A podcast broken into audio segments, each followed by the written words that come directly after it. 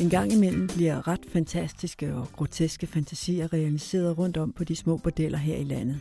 Jeg kendte den her Domina, og en gang om året så arrangerede hun en seance for en kunde, hvor flere sexarbejdere skulle deltage, og hun spurgte, om jeg ville være med. Det vil jeg gerne. Dagen oprandt, og vi ankom til bordellet. Dominaen forklarede os setupet, og det var som følgende. Den betalende ældre kunde ville være rotisar fra middelalderen. Han havde stort harem med slaver, som han kunne skalte og valte med.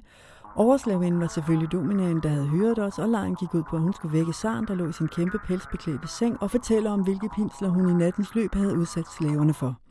Derefter skulle slaverne piskes og pines lidt, imens han tog på, og så skulle han op af sengen og prøve forskellige pelsjakker og beslutte sig for, hvilken pels han skulle have på, og derefter så skulle han have strømpebukser på, og så sin morgenudløsning. Da alt var arrangeret, krøb vi ned i bordellets kælderlokale. Slaverne var nøgne. Overslavinden i hendes sædvanlige dominadress og Saren lå begravet i pensjakker på den store madras. Jeg kiggede skjult hen på Saren, men alt jeg kunne se var et lille bitte rynket og skaldet hoved, der næsten forsvandt i al den pels. Knald ned i jorden, usle slaver! råbte overslavinden, og jeg adlyd, selvfølgelig. Nu var der ikke så meget at se, men jeg kunne høre, hvad der foregik, og det var et show, jeg ikke havde oplevet før. Det var mest overslavinden, jeg hørte, og hun sagde ting som, Mærk den bløde pels, åh, oh, stor så. Mærk den smyge sig om huden, og prøv at mærke disse silkestrømper, at de ikke er silkebløde. Jeg har brugt hele natten, og så fortsatte hun. Jeg har brugt hele natten på at pine og plage de usle slaver, og de har skrevet, og de har grædt og hulket og bedt om noget, men de fik ingen noget.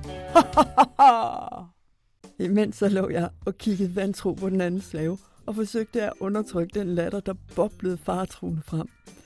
Se, hvor de ryster, sagde jeg over slavinden og pegede på vores rystende skuldre, og så måtte vi begrave hovedet og bide os i læben, knib øjnene sammen i et forsøg på ikke at skralde grine.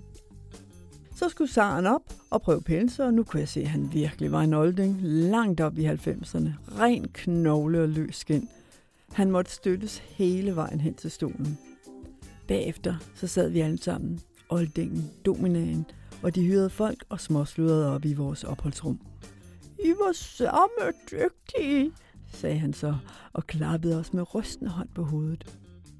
Og så tog han hjem med taxa, måske på plejehjem, hvem ved. Vi fik vores penge, plus en oplevelse, jeg sent fik glemme. Og selvfølgelig var det her ikke en typisk arbejdsdag, det var en af ekstremerne. Men dem er der jo nogen af, og den hører med i fortællingen om sexarbejde.